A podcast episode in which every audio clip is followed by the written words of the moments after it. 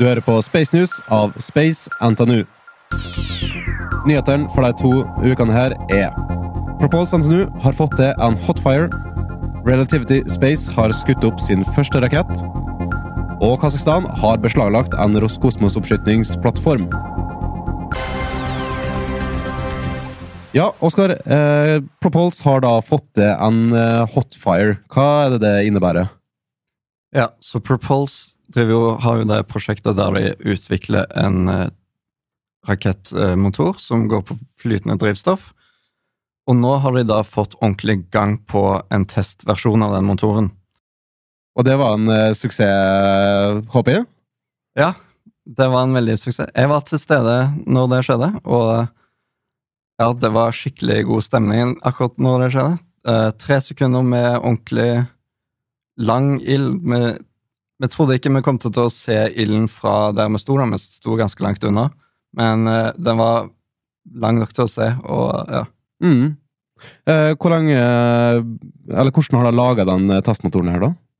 Så den har de laga ja, av stål og aluminium, som de har da dreia og fresa og sveisa litt sammen. Som de har fått hjelp av på en videregående skole, da, som er eh, Byåsen videregående skole. Hva har vært den eh, største utfordringa under utviklingsperioden? Så ja, det har slitt mye med lekkasjer, med ja At pakninger eh, går i stykker og litt sånne ting. Så det har vært mye testing av uh, hvor mye trykk denne testmotoren tåler gjennom utviklingsperioden. Og utviklingsperioden var da seks måneder. Mm. Eh, seks måneder, ok, så det er tatt seks måneder fra jeg begynte å bygge den, til jeg nå har fått uh, testa den, rett og slett? da? Ja. Mm. Er det normal tid, eller er det, var det det jeg antok det ville ta? Eller hvordan ligger det an i forhold til tidsskjema? Uh, jeg har hørt at det er veldig raskt for en rakettmotor. Mm. Uh, hva slags mot... Altså, er dette her den endelige motoren, eller er det bare en slags prototype? Nei, det er rett og slett bare en prototype. Eh, den de skal lage, kommer til å være mye bedre enn den de faktisk skal bruke. Den kommer til å være 3D-printa av eh, Inconel. Uh, den, ja, den kommer til å ha masse forskjellige kjølesystemer og sånne ting. Det hadde ikke denne testversjonen. Så den kommer til å være mye bedre. Ok, Så nå var det bare test for å se om det fungerer, og så skal dere Mm. forbedre en eh, litt bedre versjon med hjelp av 3D-printer etter hvert. Ja. Mm. Mest for å sjekke ja, det innvendige injektoren, uh, fuel-systemet osv. Yes, eh, Andre sak. Relativity Space har da skutt opp sin første rakett. Man kan starte med hva er Relativity Space? Ja, så de er da eh, en eh, på en måte en startup som skal lage raketter, da. Eh, og det som er spesielt med de, er at de 3D-printer vanvittig mye av rakettene sine, og de sikter til å 3D-printe egentlig alt. De har jo blant annet uh, verdens største 3D-printer. Oi. Som er Ja, det er en robotarm, da, med en sånn sveiser på tuppen. En sånn MIG-sveiser. Og så en plate som snurrer rundt. Og til sammen så blir det verdens største ja, 3D-printer. Ja, så de har da klart å skyte opp sin første rakett nå. De kom ikke til, i bane, men de kom ganske nærme. Ja. Eh, så den andre stagen sin motor tente ikke. Uh, men ja, det er normalt å ikke klare det på første forsøk. Dette var deres første forsøk. Men nådde ut til verdensrommet. Ja, de nådde opp Det er, over 100 km, Ja. for å si det sånn. Uh, og ja, det var jo ingen payload om bord, det var bare en basically en vekt, da. mm. Og det er et norsk selskap? Nei, Nei, ok. det er amerikansk. Okay, Ja. Men ja, jeg syns det er jævlig kult måten de Med den 3D-printeren, da. Mm. ja, stilig. Hvilke fremtidige planer har de, da? Ja, så Ja, de har planer om å lage en egentlig en annen rakett. Siden de bruker De brukte denne raketten bare som å lære, sant? Uh, ja. Og de sier de har planer om å gå videre til neste rakett sånn allerede nå. Så det er litt eh, sjukt. Mm. Skulle tro de Jeg trodde kanskje de skulle lage mange flere av den første varianten først, men de hinter da til at de skal gå videre til den neste, som er Tern R. Og den skal da være ja, litt mer sånn Starship-lignende, i fasong iallfall, og gjenbrukbar. Gjenbrukbarhet er jo the name of the game Mm. når, når det kommer til raketter. Mm. Eh, men er det noen andre som driver med 3D-printing med rakettene sine, eller er de eksklusive der? Ehm, det er normalt når det kommer til montorer.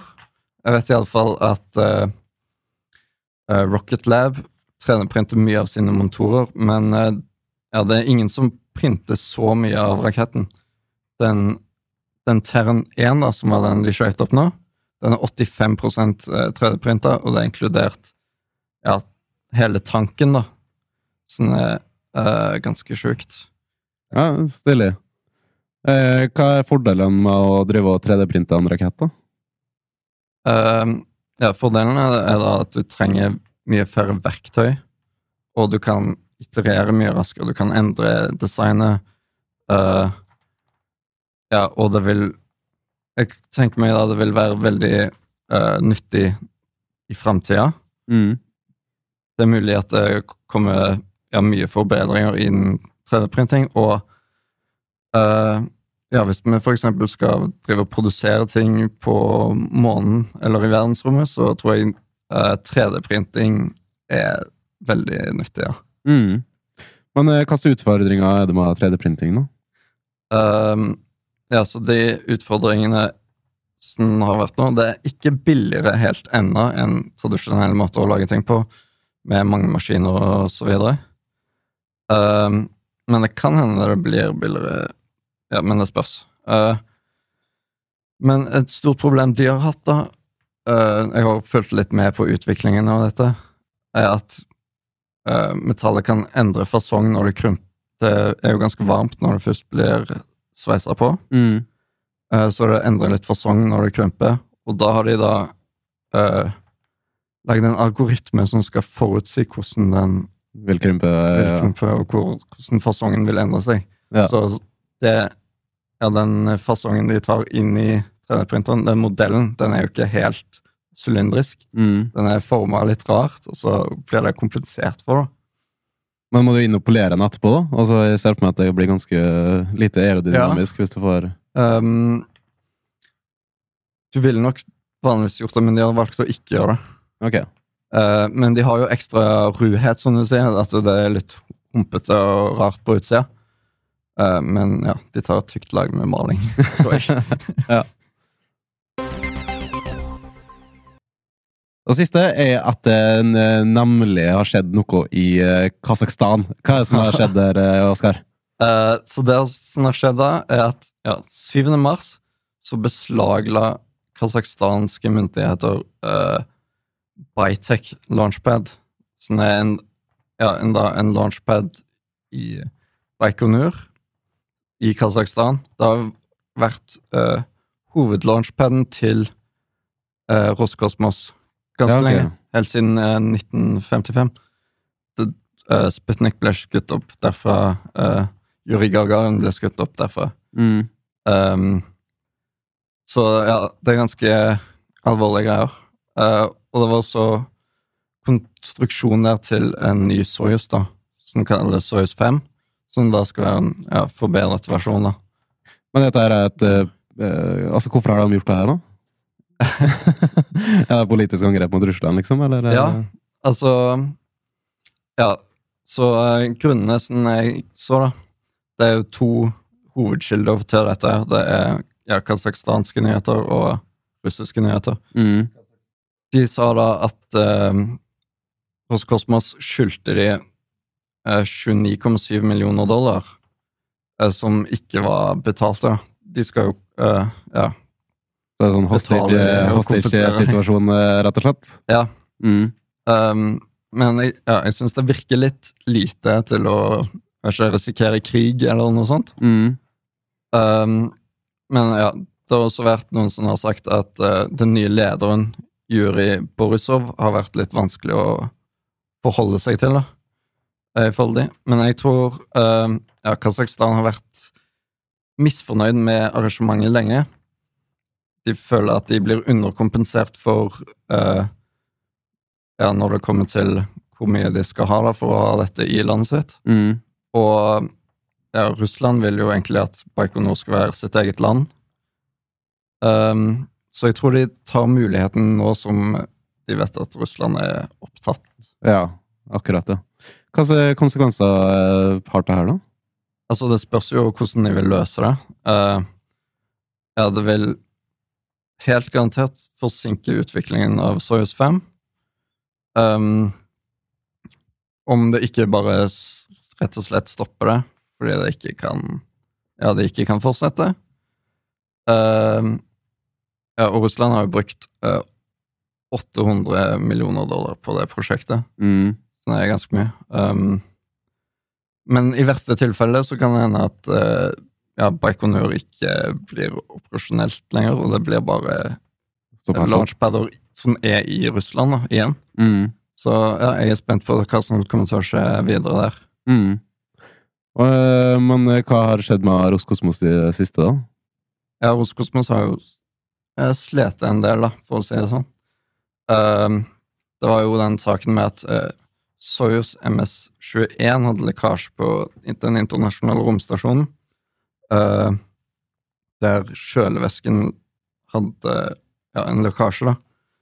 De skyldte da på mikrometeoritter, um, men så kom en De sendte opp en uh, replacement, Soyuz MS-22, og den hadde da akkurat samme lekkasje. Ja, ok. Så det, det tyder på produksjonsfeil, og ja Det virker som de sliter litt. Den, det kom fram at den delen har tidligere vært produsert i Ukraina, så Ja, okay. de nye vet sikkert ikke helt hva de holder på med, da. Mm. Um, ja. Så det kan hende Roskosmos ligger tynt an. Mm. Nei, men eh, Det var det vi hadde for i dag. Du hørte på Space News med Erlend Sandblast og Oskar Arne. Kom tilbake igjen om to uker for mer space-oppdateringer.